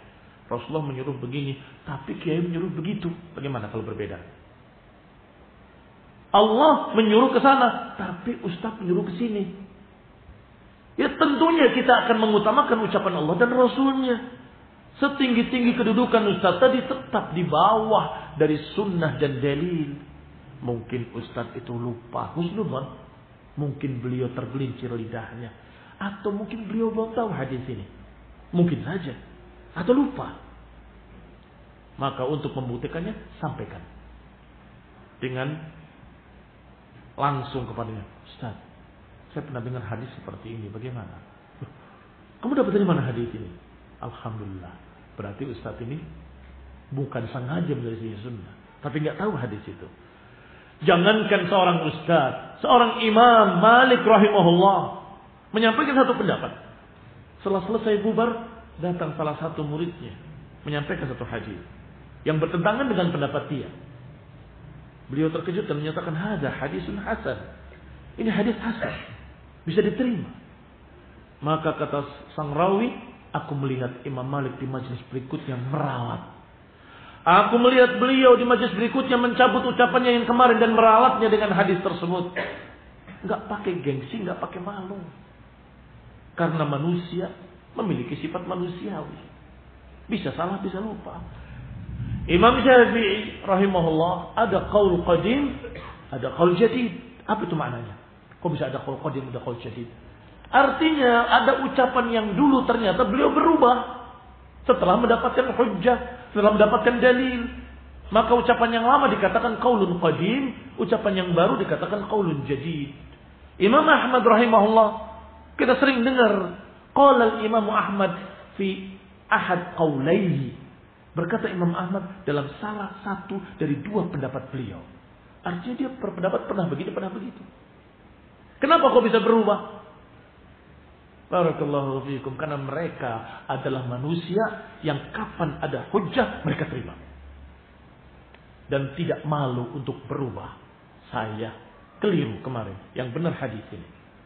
Saya kemarin mengatakan seperti ini. Ternyata hadis yang sahih aku dapatkan demikian, demikian, demikian. Aku cabut ucapan Itu adalah sifat seorang mukmin sejati. Sunni salafi.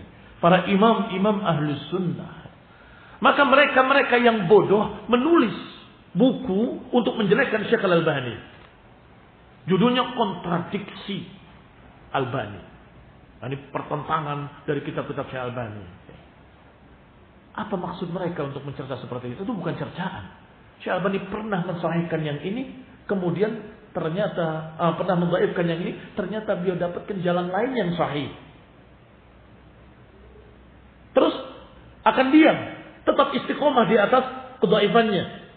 Tidak, mereka orang yang jujur. Ketika didapati riwayat yang sahih, ternyata hadis itu sahih. Maka tinggal kamu lihat mana kaul qadim, mana kaul jadid, mana yang belakangan. Maka yang belakangan itulah yang mencabut pendapat yang dulu. Jangan dijadikan sebagai cercaan. Ini kontradiksi Albani. Kalau engkau berkata seperti itu, berarti ada kontradiksi Imam Syafi'i. Kaul qadim dengan kaul jadid bertentangan. Imam Ahmad kadang-kadang memiliki dua pendapat, tiga pendapat. Bagaimana? Akan dipertentangkan dan jadikan celah buat mereka? Tidak. Mereka punya sifat yang mulia, yaitu tunduk pada dalil, kapan pun datang dalil itu. Apalagi asatidah, para ustadz, para kiai, apalagi para dai-dai muda, ya sangat mungkin tergelincir, kemudian mencabut kembali. Begitu salah, mencabutnya kembali. Ikhwani bin a'azakullakum muslimin rahimani wa. Disebutkan pula oleh Al-Allamah Abdul Qadir Ibn Badran Ad-Dimashqi. Qala at-taqlid yub'idu 'anil haqq. Yang namanya taklid akan menjauhkan dari kebenaran. Wa yurawwijul batil dan akan membuat laku keras kebatilan-kebatilan. Apa yang menyebabkan seseorang jauh dari kebenaran? Taklid. Apa yang menyebabkan kebatilan semakin laku? Taklid. Saya heran. Yang sering viral dari kisah hadis-hadis di dalam internet selalu sering kali banyak yang baik. Kenapa itu? Ada kisah ini, ada kisah itu. Karena mereka tidak melihat apa itu sesuatu atau baik. Mereka hanya melihat ini Asik nih, perlu tahu saya. Ada kisah begini. Wah, unik ini.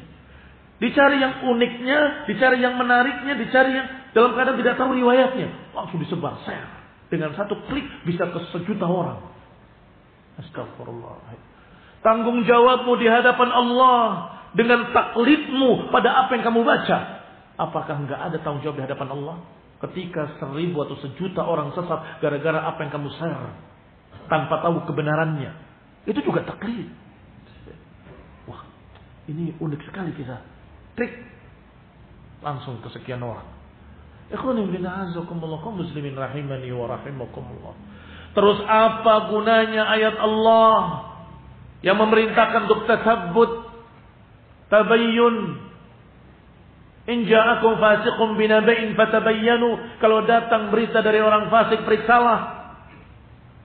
Ikhwani bidina azakumullah. Kau muslimin rahimani wa rahimakumullah.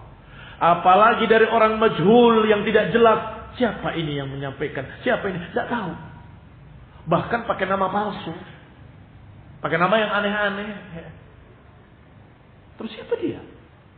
Kok bisa kamu ambil ilmunya, kamu sebarkan begitu saja? Ada taklid.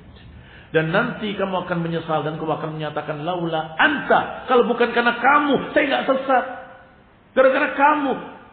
Orangnya berkata, lu siapa yang nyuruh ngikut saya? Qad aku telah datang pada kalian hujjah. Kenapa kalian tinggalkan? Kenapa kalian ikut aku? Jangan salahkan aku. Lumu anfusakum. Salahkan dirimu sendiri. Ikhwani ibn a'azakum muslimin rahimani wa rahimakumullah. Berkata Syekhul Islam Ibnu Taimiyah rahimahullah. Wa idza qila li hadzal mustadi al mustarshid anta a'lam amil imam fulani. Bagaimana kalau kita sampaikan dalil orangnya menjawab kata Syekhul Islam. Pintar mana kamu sama imam saya? Pintar mana kamu dengan guru saya? Itu kan sering kalimat itu. Kata Syekhul Islam kanat muhadihi mu'aradatun fasidah maka bantahan yang seperti ini bantahan yang batil, rusak. Mengapa? Karena Imam Fulani walaupun lebih alim, bisa saja dia tidak tahu sesuatu yang sedikit. Misal dia punya ilmu 80% agama. Sudah besar sekali. Atau 90% dia tahu. Barangkali yang 10% itu pada orang yang ini. Dia bodoh, cuma 10 punyanya. Ini punya 90. Tapi kebetulan yang dia tahu adalah salah satu dari yang dia tidak tahu, yang 10% tadi. Mungkin apa enggak mungkin? Mungkin. Sehingga Imam Malik menyatakan, ada hasan. Ini hadis hasan. Dan Imam Syafi'i berkata pada muridnya, yaitu Imam Ahmad, kalau ada hadis yang sahih, beritahu aku. Karena idza sahal hadis, fahuwa madhabi. Kalau ada hadis sahih, itu madhabku. Demikian para ulama kibar.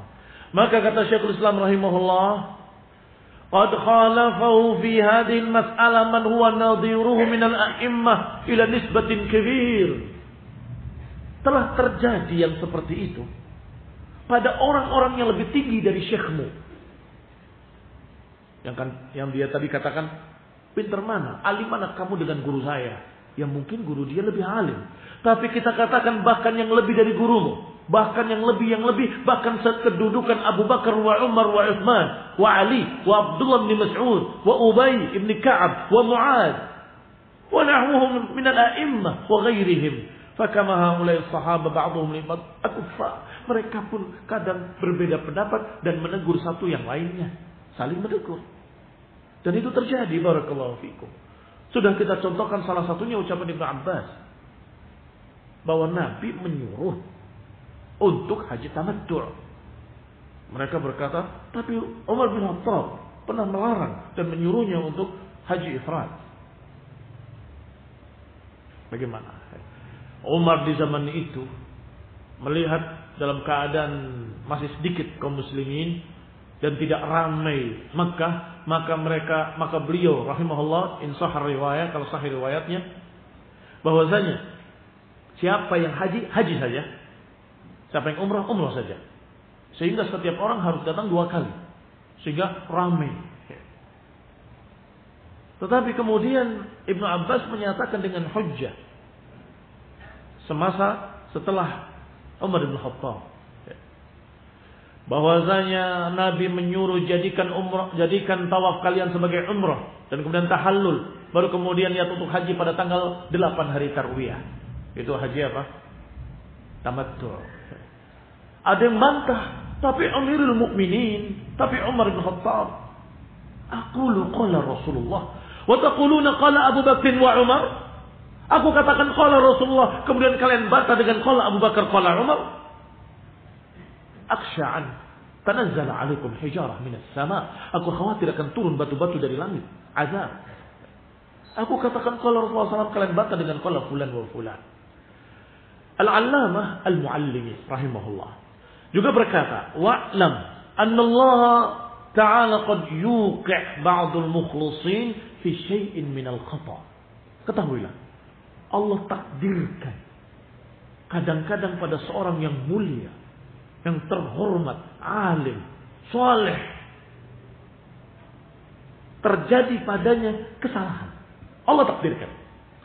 Ibtila'an li ghairihi kata al-muallimi sebagai ujian bagi yang lain ayat tabi'un al-haq atau yattabi'unahu apakah mengikuti kebenaran atau mengikuti orang ini jadi ujian ini orang soleh, mukmin, taqi, masya Allah. Kita hormati, kita muliakan, kita tidak berani membantah apa pun.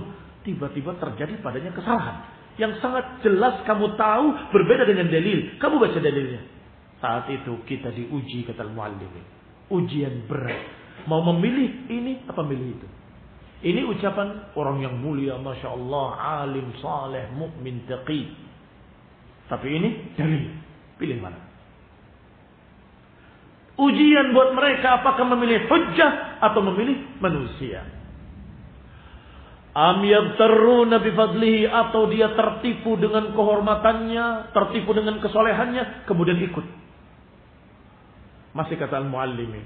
Walakin man ittaba'ahu mughtarran bi'azamatihi bidun iltifat ila hujajil haqiqiyah min kitabillah ta'ala wa sunnati rasulih fala yakunu ma'duran. Beliaunya ma'dur. Beliau tidak sengaja. Ketergelinciran orang saleh. Tetapi kamu yang mengikutinya dalam keadaan meninggalkan hujah yang kamu sudah tahu, meninggalkan dalil, dalam keadaan engkau tidak mau menerima dalil dan lebih menerima ucapan itu, kamu tidak ma'dur. Tidak, kamu terancam. Bal huwa ala khatarin azim, bahkan engkau dalam bahaya besar. Ketika Amirul Mukminin masih ucapan al-Muallim kalau bukan dari beliau saya tidak berani menyampaikan yang seperti ini. Zahabat Ummul Mukminin Aisyah.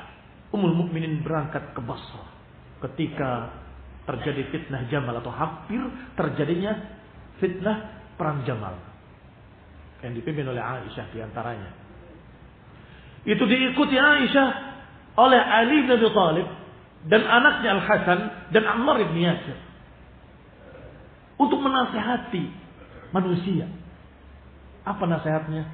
Berkata Ammar radhiyallahu taala anhu di Basrah. Setelah sampai Basrah ini. Wallahi innaha la zaujatu nabiyyikum fi dunya wal akhirah walakin Allah ibtalakum biha. Ini adalah istri Rasulullah SAW di dunia dan di akhirat. Sungguh demi Allah, beliau adalah istri Rasulullah SAW di dunia dan akhirat yang kita muliakan. Tetapi Allah menguji kalian. Apakah kalian mentaati Allah atau mentaati beliau?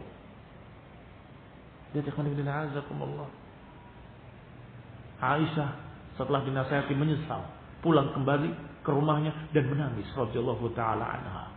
Menyesali dengan menangis, menangis, menangis, menangis sampai wafatnya, tidak keluar dari rumahnya radhiyallahu taala anha. Artinya jangan jadi cercaan buat Aisyah. Tetapi itu fitnah. Diuji para sahabat. Ini kebenaran, ini Aisyah. Bagaimana? Apa kita ngikut Aisyah atau ngikut kebenaran? Padahal ini istri Rasulullah SAW. Tetapi selain Nabi tidak maksum. Walaupun dibandingkan dengan kita jauh mereka lebih saleh, lebih sedikit kesalahan-kesalahannya, tapi tetap namanya manusia ada ketergelinciran. Contoh kedua, Ahlul Bait.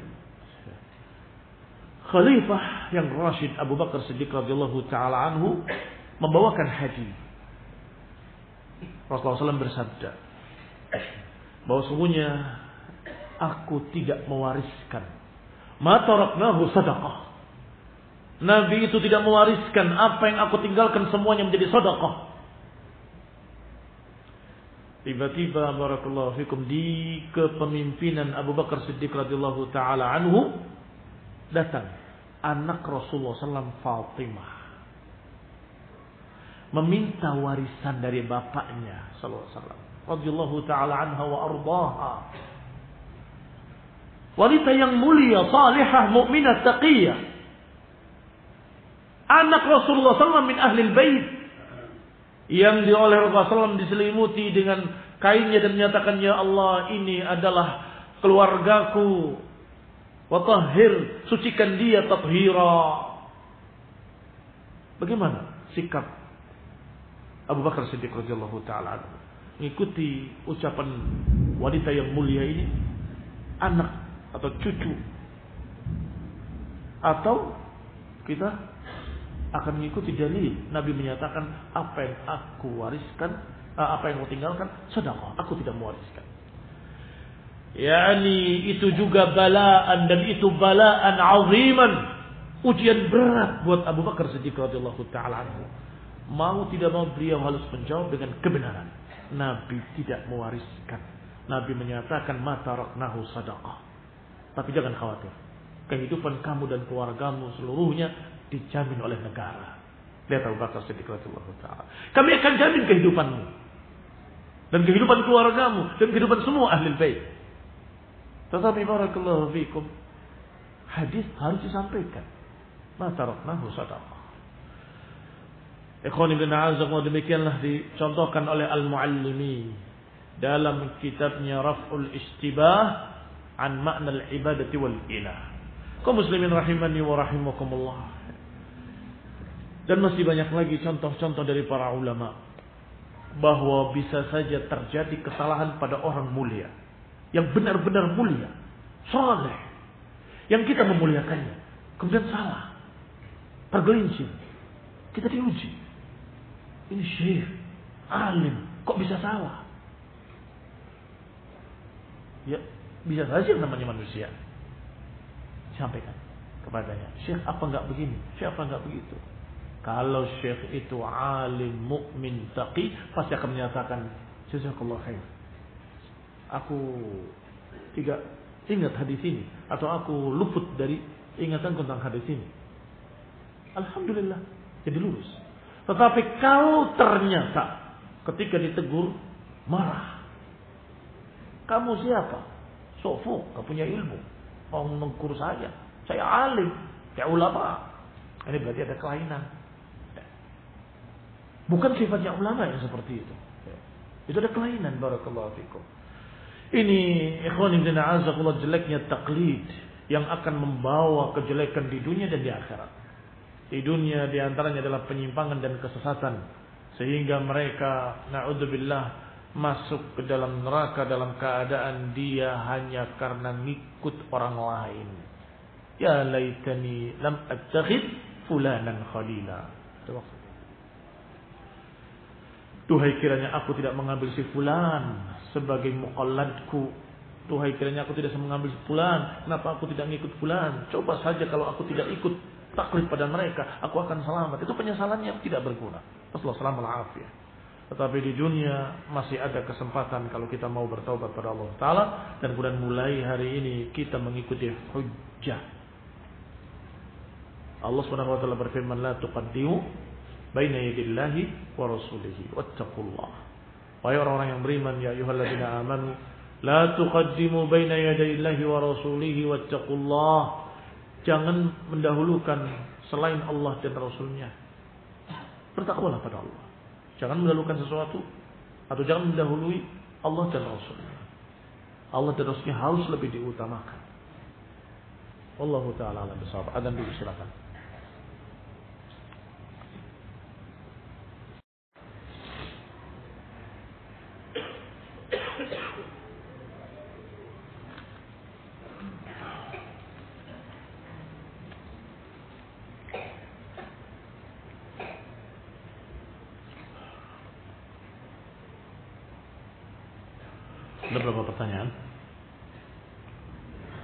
Apakah ada taklid yang baik? Bagaimana kalau mengikuti orang yang benar dengan sesuai dalil? Apakah ini juga diperbolehkan? Taklid tidak ada yang baik. Taklid itu jelek. Tetapi kalau kita mengikuti seseorang dengan hujah dengan dalil dan ketika sesuatu itu tidak memiliki dalil kita tidak ikut maka itu namanya ittiba biasa dipakai kalimat ittiba. Enam. Barakallahu fikum. Bagaimana kalau begitu orang ya sudah.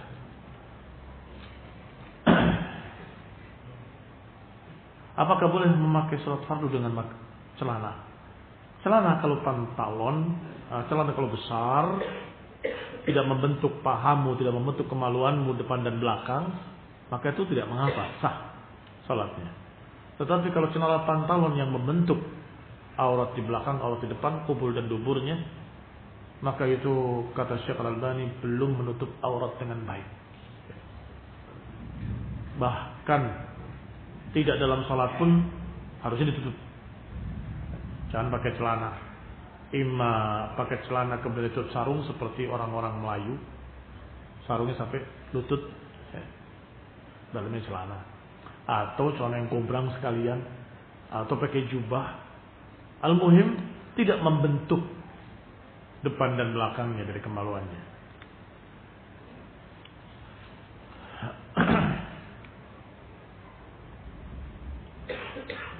Karena Rasulullah SAW adalah manusia yang maksum. Apakah boleh mengatakan kami taklid kepada Rasulullah SAW? Apa bedanya taklid dengan ittiba?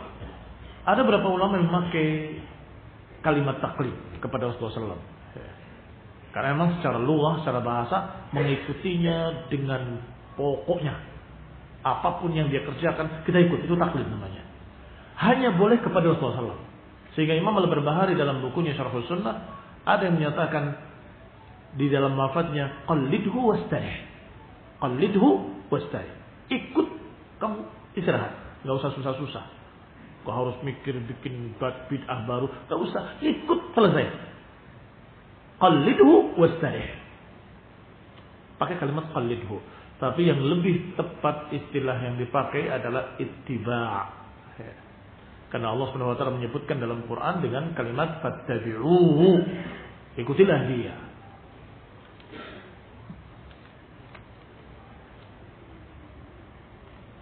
Bagaimana menjelaskan pada saudara kita yang taklid kepada kiai yang alergi pada dalil yang kita sampaikan? Maka kalau gitu jangan pada dalil yang sedang dibahas dulu.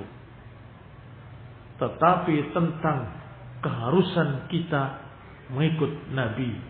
Harusan kita untuk berpegang dengan dalil. Itu dulu dimasukkan. Misalnya permasalahannya permasalahan ini. Atau permasalahan. Apakah urusan tahlil atau urusan apa segala macam dan itu yang dibahas. Kita bicara dasarnya dulu. Kita ini wajib mengikuti Allah dan Rasulnya. Oh iyalah. Pasti bapaknya akan setuju. Iyalah kita harus ikut. Berarti harus mengikat, mengikut Quran dan Sunnah. Sampaikan setelah itu. Kalau dia sudah terima itu, ya dengan tentunya dengan penjelasan yang rinci. Sampai matang. Nah di antara sunnah-sunnah itu ada sunnah yang ini tadi tadi.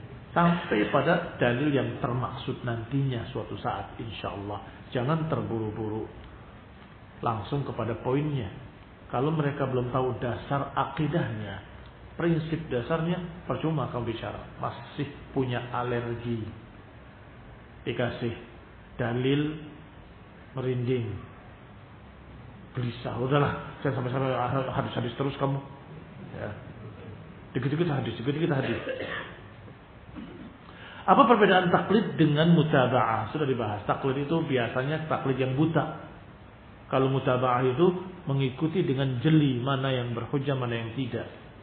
Itu mutaba'ah. Apakah hadis sahih bisa digunakan untuk me... oh, Masya Allah. Tulisannya bagus banget. Apa ini? Apa? Apa? Hadis dhaif tidak bisa dijadikan sebagai hujjah. Tidak dalam melaksanakan ibadah, tidak dalam berita, tidak dalam uh, perkara-perkara uh, yang lain.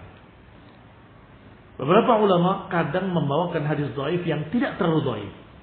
Bukan yang makdub, bukan yang palsu, bukan. Tapi rawinya ada yang lemah hafalannya misalnya. Apakah orang yang hafalnya lemah selalu salah? Tidak. Kadang bisa benar. Makanya dipakai oleh para ulama, tetapi bukan sebagai sandaran utama. Sandaran utamanya adalah hadis yang sahih atau ayat sahih. Kemudian ditambah dengan ini.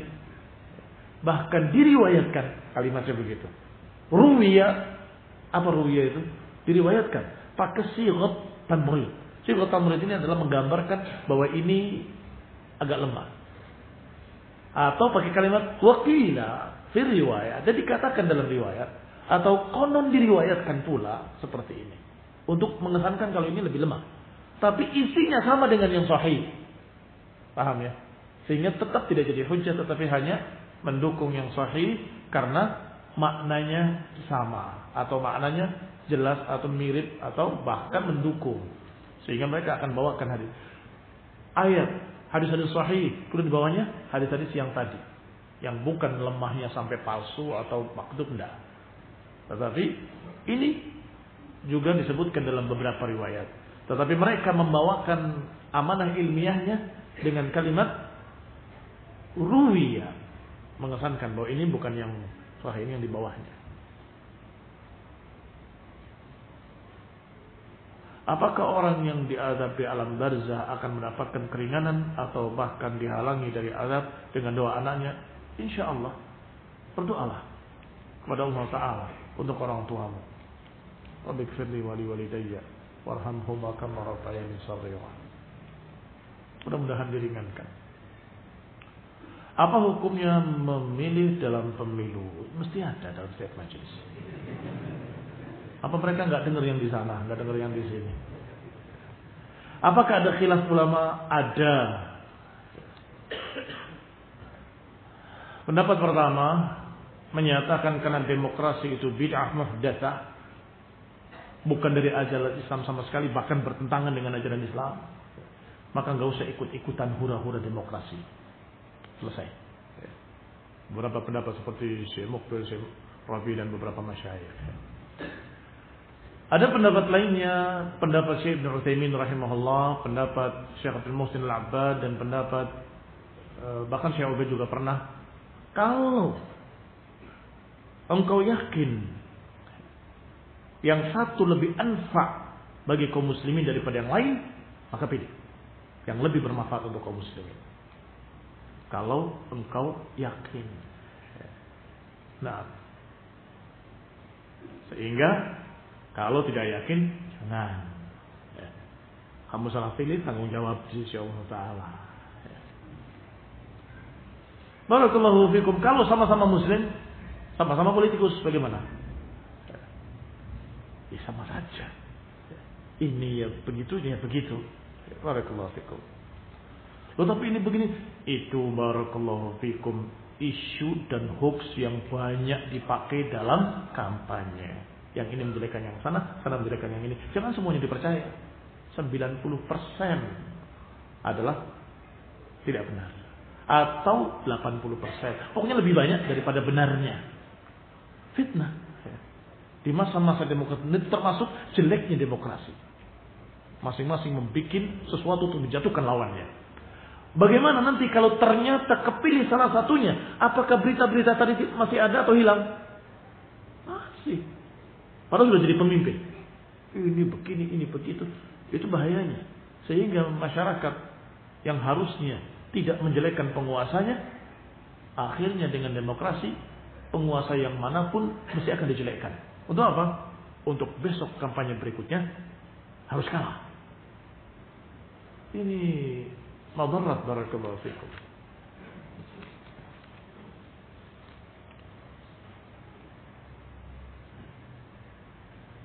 Sudah tadi.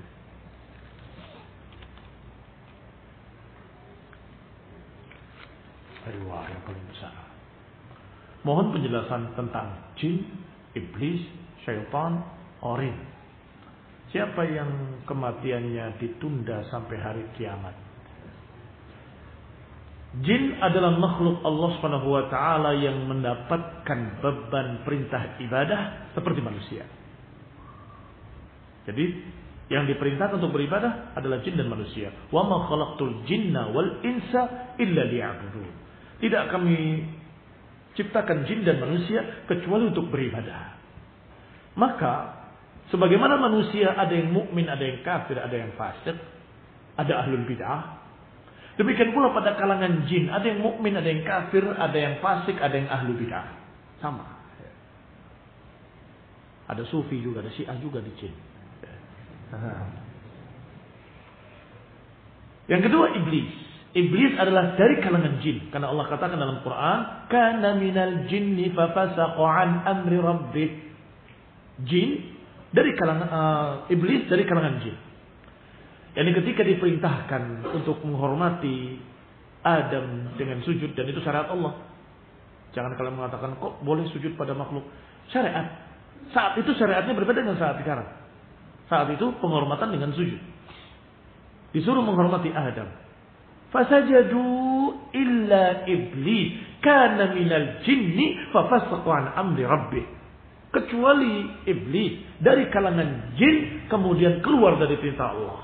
Jadi iblis satu makhluk dari jin yang ingkar kepada Allah dan kemudian dilaknat oleh Allah Taala. Setelah dilaknat, iblis berkata, "Aku akan sesatkan seluruh manusia." La ughwiyannahum ajma'in. Wa bi'izzatik la ughwiyannahum ajma'in. Ini iblis. Dan ini yang kematiannya ditunda. Pertanyaan kedua tadi. Iblis yang berkata kepada Allah, "Anzirni ila yaumi yub'atsun." Tundalah aku sampai hari dibangkitkan. Allah jawab, "Innaka minal munzarin." Engkau termasuk yang ditunda. Silakan. Apa ayatnya? ucapan Allah SWT silahkan. Wastafziz man istata'ta minhum bisawtik wa ajlib alaihim bi khaylika wa rajlik wa'idhum. Kata Allah wastafziz silahkan kalian giring. Silahkan engkau wahai iblis giring mereka. Siapa yang kau bisa? Silahkan kerahkan pasukan yang berkuda dan berjalan kaki wa ajlib alaihim bi khailika wa rajlik khail pasukan berkuda rajil pasukan berjalan kaki Wa ajlib alaihim bi khaylika wa rajli dan kerahkan pasukanmu yang berkuda dan berjalan kaki. Wa'idhum dan silahkan bikin janji-janji. Wa ma ya'idu syaitan illa ghurura dan syaitan tidak memberikan janji-janji kecuali janji palsu. Itu iblis. Allah katakan innaka minal mumdorin. Engkau termasuk yang ditunda. Yang ketiga syaitan. Adapun syaitan adalah semua yang mengajak kepada kesesatan dan kekufuran. Bisa dari jin, bisa jadi manusia. Yang membisik-bisikkan di hati manusia atau yang mengajak terang-terangan pada manusia kepada kesesatan dan kekafiran, maka dia syaitan. Baik, sebagaimana Allah katakan dalam ayat Qul a'udzu bin nas malikin min syarril waswasil khannas dari kejahatan yang membisik-bisikkan dalam hati dari khannas yang selalu bersembunyi syaitan Alladhi yuwaswisu fi sudurin nas. Yang membisik-bisikkan kesesatan di hati manusia. Minal jinnati wan Ternyata dari kalangan jin juga ada setan. Dari kalangan manusia juga ada setan. Lebih bahaya mana? Setan dari kalangan jin dan setan dari kalangan manusia. Hah? Setan jin, kamu berlindung naudzubillah syaitonir rajim mereka lari. Kamu baca ayat kursi, kamu akan aman seharian. Kamu baca Al-Baqarah di dalam rumahmu, syaitan nggak masuk. Tapi manusia, kamu baca ayat kursi bisa ditempilin sama dia. Kamu harus berantem. Barakallahu fiikum. Bagaimana? Bahaya mana berarti? Dua-duanya bahaya. Na'udzubillahi minasyaitan minal jinni wal ins. Yang keempat qarin. Qala qarinuhu berkata qarinnya Syaitan yang khusus menggoda setiap orang satu setan. Selalu bersamanya, mengiringinya, dan selalu membisikkannya ketika dia lalai, ketika dia ingat dia mundur lagi, ketika dia lalai masuk lagi, terus begitu. Sehingga korin ini akan hafal semua gayamu, sifatmu, caramu, anu, suaramu, semuanya bisa. Karena sudah selalu sehidup bersama kamu. Dan inilah yang sering, sering mengaku-ngaku sebagai dirimu kepada dukun-dukun. Kepada mereka yang katanya pengen ketemu sama rohnya ibu saya. Tiba-tiba ada suara ibunya. Nah, mirip persis. Ditanya apa pun jawabannya tahu. Kamu siapa ini? Umurnya berapa begini? Matinya kapan? Tahu semua karena dia korinnya. Jangan percaya. Tidak ada manusia yang bisa hidup lagi. Tidak ada roh manusia yang bisa berhubungan dengan manusia. Tidak ada. Berarti siapa itu yang didengar oleh dukun-dukun tadi? Itu korinnya. Hewan. Ajarna. Barakallahu. الله تعالى أعلم بالصواب وصلى الله محمد وعلى آله وأصحابه وسلم تسليما كثيرا